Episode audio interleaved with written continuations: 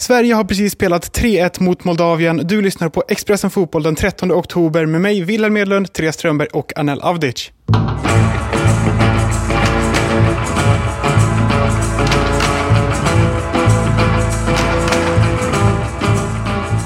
Ja, den här matchen finns det inte jättemycket att säga om, men man fastnar ändå för Jesper Karlsson.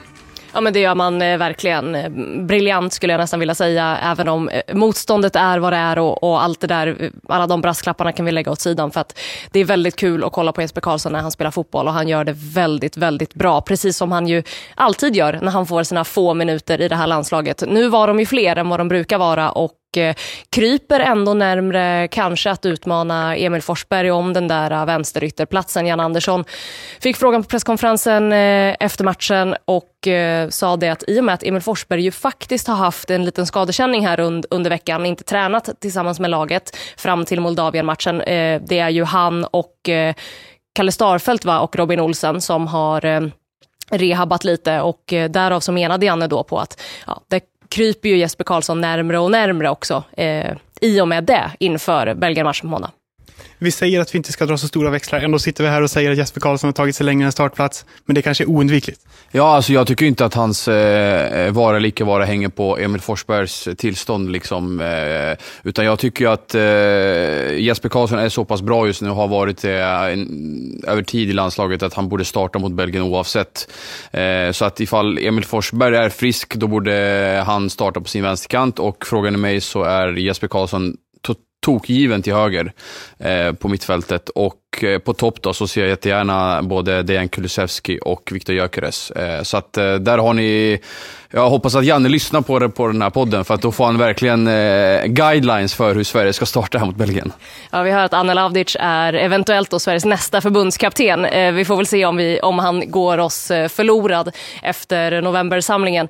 Men, men det som är eh, grejen som Janne också lyfter upp, vilket ju Eh, han såklart har poänger i, men det som gör att man blir lite mindre eh, lite mindre, vad ska jag säga, inte positivt inställd, men som gör att man tar ner förväntningarna lite på att Jesper Karlsson skulle vara så där himla nära en startplats.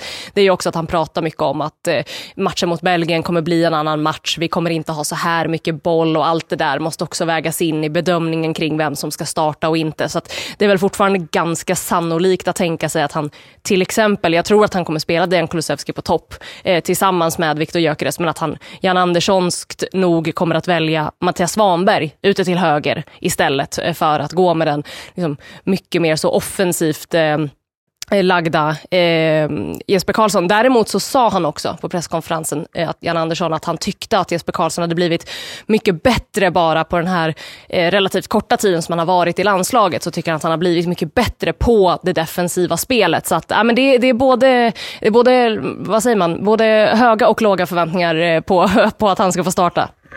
Ja, och det där eh, som, som, som Janne är inne på, som Therese eh, lägger ut här väldigt bra, eh, det är med liksom att det är en annan match och Belgien kommer kom, kom ha mycket boll. Alltså Sverige är ett läge där man inte riktigt har, alltså de har ju ingenting att förlora utan allt att vinna. Och då är det ju bara kasta in Jesper Karlsson, försök liksom avsluta på något snyggt sätt i alla fall med ett sista tappert försök. Och då att spela med Svanberg som är liksom lite mera, dels tycker jag att det är fel position för honom. Sen för det andra tycker jag också att det är för defensivt. Då tycker jag att det är liksom, eh, släpp handbromsen Janne och eh, släng in eh, Karlsson här. För att det eh, Sverige har bara allt att vinna och då måste man våga satsa också någonstans, känner jag. Välkommen till Coolbet där spänningen aldrig tar slut och underhållningen står i centrum. Här får du inte bara Sveriges bästa fotbollsodds, du får också en spel...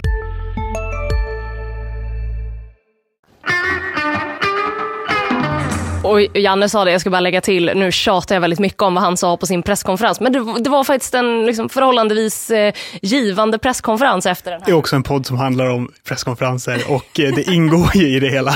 ja men bra, det känns som att jag bara tjatar och tjatar som att det liksom är den bästa presskonferensen jag varit på hela mitt liv. Men det var givande som sagt och, och där, jag tror att det var eh, DNs Johan Esk faktiskt som frågade att eh, just det här som man är inne på att eh, man, ni har ingenting att förlora, kan man, hur stor är chansen chansen att vi får se er gå ut och bara köra. Och då skrattade Janne till lite och sa att ja men jo men så, så skulle det ju kunna bli. Så att kanske att han kommer ändå att, om man säger då, förvåna lite utifrån hur hans gameplans brukar se ut med att kliva ut ganska sådär tok-offensivt redan från början. Jag snackade med Viktor Claesson här efteråt och frågade om hans chanser till att starta och han var inne på att säga, ja men det är klart de hade varit mycket större om jag inte hade spelat idag. Är det någonting man kan dra utifrån det? Att så här, Jesper Karlsson, ja han spelade ganska mycket, spelar jättemycket idag. Betyder det att han inte kommer spela på måndag? Men jag vet inte, både och tror jag. Eh, förra samlingen som Jan Andersson hade en, eh, en träningsmatch eh, och en tävlingsmatch så gjorde han ju så att det verkligen var två olika lag. Att de som spelade i träningsmatchen skulle mer eller mindre knappt vara påtänkta till tävlingsmatchen. Det har ju låtit lite annorlunda innan när, när han har pratat inför. Eh, men då var det väl lite mer inför den här matchen att han pratade om att eh, man skulle hålla lite koll på vilka som blev eh, utbytta tidigt, det vill säga ha, i halvtid, att det kanske är de som ligger närmast då att, eh, eh, att få mycket speltid i den andra matchen. Eller, ja, så att det är lite, lite tvetydigt vad det betyder att ha spelat och eh, hur mycket man har spelat i, i den här matchen. En position där det byttes i halvtid var ju högerbacksplatsen, Linus Wahlqvist mot Emil Holm. Vad händer där på måndag? Ja, det är jättesvårt. Eh, känner vi Janne rätt här, även om Janne säger på presskonferensen efteråt att det är väldigt jämnt och att han inte kan välja, så känns, så landar väl ändå jag någonstans i att han kommer ta sin gamla adept från IFK Norrköping, Linus Wahlqvist. Eh, men jag tycker ju att Emil Holm är minst lika bra och, och, och eh, föredrar nästan Holm. Jag, alltså jag gillar hans löpkapacitet där och hur han eh, liksom stångar sig fram på högerkanten. Men, men eh, ja, det, det, det är väldigt jämnt mellan, mellan dem, men jag tror väl ändå att Janne kanske landar i Wahlqvist. Han brukar ju ofta safea och det är väldigt sällan han liksom stuvar om allt för mycket i startelvan och att Väljer han att stuva om eh, med Jesper Karlsson och slänga honom från start, då tror jag nästan att han safear på högerbacksplatsen och, och, och går på sitt säkra kort om man får säga så. så att, eh, eh, och det skulle väl innebära, tråkigt nog för Emil Holm då, att han bänkas. Vi har redan pratat om Elfsborgsspelaren Jesper Karlsson. Om vi går vidare till en annan Elfsborgsspelare som gjorde succé, får man ändå säga, Gustav Lagerbielke. Ja, eh, jätte, jättefin match eh, från honom. Jättefint, hur, tycker jag, hur han, hur han tar sig an allt det här också. Han är så himla glad. Kommer ut i mixade zonen och säger liksom att det här var en barndomsdröm med ett stort leende. Så får frågor om att ah, men du gjorde mål också. Också en barndomsdröm, säger han med ett stort leende. Eh, och, och, känner väl att han har, jag menar, eh, mittbacksplatsen är ju också en plats bredvid Victor Lindelöf som har varit väldigt mycket up for grabs. Och så eh, en massa skador skador på det när man, när man känner att man har att Jan Andersson har fått in två stycken ganska stabila alternativ då i Sakien och Hjalmar Ekdal efter mycket om och men. Eh, så går de och skadar sig och kan inte vara med och, och sådär. Eh, så att eh, det är klart att det finns en liten, liten öppning där. Sen tror jag att det är nog lite tidigt för, för Jan Andersson att göra. Jag tror att det är närmare att han petar in Holm på högerbacken än att Gustav Lagerbielke får spela på mittbacken. Men, men han gör en jättefin, eh, jättefin match och det där tror jag är en spelare som... Eh, det är ju så att vi, vi har ju en tid framför oss där det är ganska mycket som kommer hända i, i det svenska landslaget i och med att det ska in en ny förbundskapten tids nog och, och så här. Men Lagerbielke tror jag, tror jag är en spelare som kommer att ha en ganska given plats i den här truppen framöver när vi tippade den här matchen i förra podden så sa Noah att Lagerbielke kommer göra mål på hörna och när han gjorde det så fick jag bara en bock i meddelandet från honom. Så vi måste väl ändå ge lite cred till Noah också. Och som du sa, Janne lyssnar. Kanske Lagerbielke lyssnade och därför gjorde mål. Ja, verkligen. Nej, men jag kan bara hålla med. Jag tycker att han har sett väldigt lovande ut hela den här, alltså hela den här säsongen egentligen. Han började väldigt bra i Elfsborg och, och Eh, har jobbat sig in i landslaget. Kanske att starten i Celtic har varit lite tufft för honom. Han, han fick ju spela i början, men har väl fått lite kritik av Brendan Rodgers. Men jag tror väl samtidigt att det där kan vara nyttigt för honom att, att, att, att han behöver liksom, att inte allting är perfekt från, från start, utan att han behöver kämpa lite grann och eh, få lite motgång. Så att han kan nog växa av eh, både av starten i Celtic, men också gå starkt ur den här landskampen inför framtiden. Med liksom en, ja, en stabil match, ett mål och eh, nästa gång han, han drar på sig landslagströjan så kommer han ju göra det med ett Eh, större självförtroende. Så att jag räknar väl med att Lagerbielke är en av fyra mittbackar, eh, även när nästa förbundskapten eh, tar ut sin trupp. Så långt har jag väl kanske kommit i min kalkyl där när det kommer till mittbackarna. Det har gått fort för Lagerbielke, det har också gått fort och det har gått längre för Hugo Larsson. Han spelar i Bundesliga och inte skotska ligan. Och han startar idag och han gör det bra.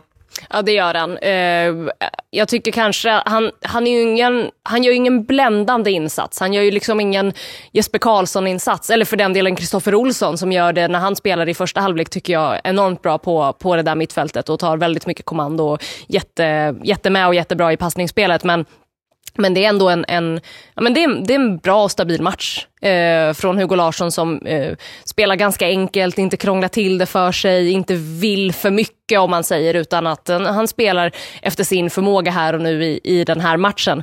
Eh, så att, men en, en jättefin eh, match från honom och en spelare som, eh, som såklart hur långt fram han än kan tyckas ha kommit i, i form av eh, klubblag och att han spelar där och så, så där, så eh, det är en spelare som har som är en bra bit på vägen och som har en enormt hög potential men som jag har ganska mycket kvar att utveckla också. Som är fortfarande, jag och Noah satt på, på läktaren och pratade om det, att det är en spelare som fortfarande är, om man kollar på honom rent kroppsligt så är han ju, man, det är ju en ung spelare. Det är ju, han är ju pojkig men liksom om ett par år när han har varit ute i Europa ett tag och, och vuxit på sig lite och så där, då kommer han ju vara, då kommer han ju vara ännu bredare i sin repertoar än vad han redan är nu. Och det här är ju en spelare som Jan Andersson gillar väldigt mycket och som om vi då ändå är inne och pratar kommande förbundskaptener så tror jag ändå att, eh, att han kommer att stå ganska högt i kurs där också. För det är en spelare som är bra på väldigt, väldigt mycket och som bara kommer bli bättre och bättre.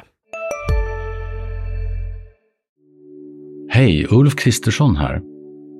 På många sätt är det en mörk tid vi lever i. Men nu tar vi ett stort steg för att göra Sverige till en tryggare och säkrare plats. Sverige är nu medlem i Nato. En för alla, alla för en. Har du också valt att bli egen? Då är det viktigt att skaffa en bra företagsförsäkring. Hos oss är alla småföretag stora och inga frågor för små. Swedeas företagsförsäkring är anpassad för mindre företag och täcker även sånt som din hemförsäkring inte täcker. Gå in på swedea.se företag och jämför själv.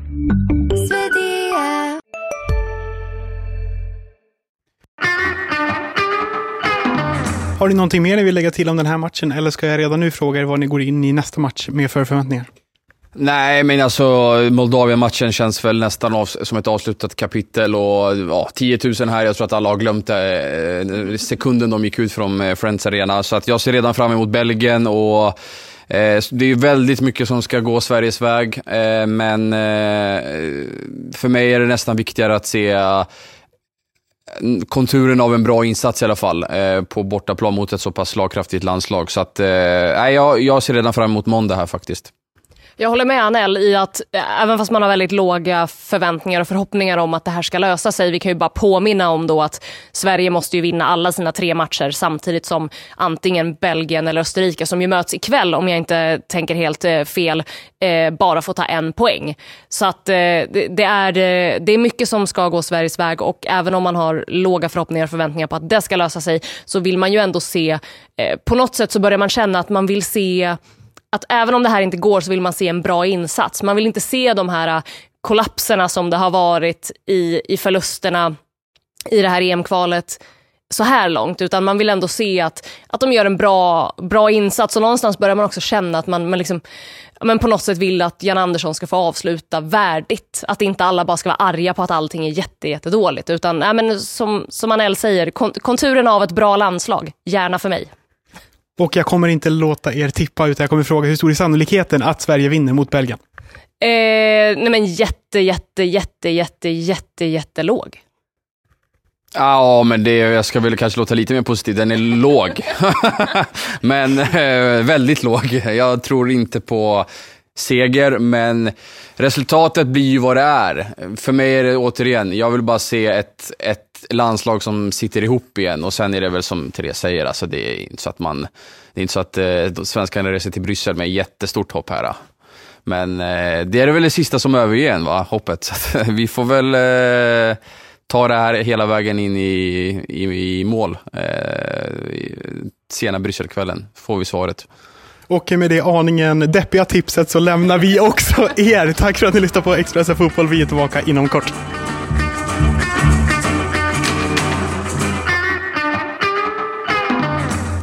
Du har lyssnat på en podcast från Expressen. Ansvarig utgivare Klas Granström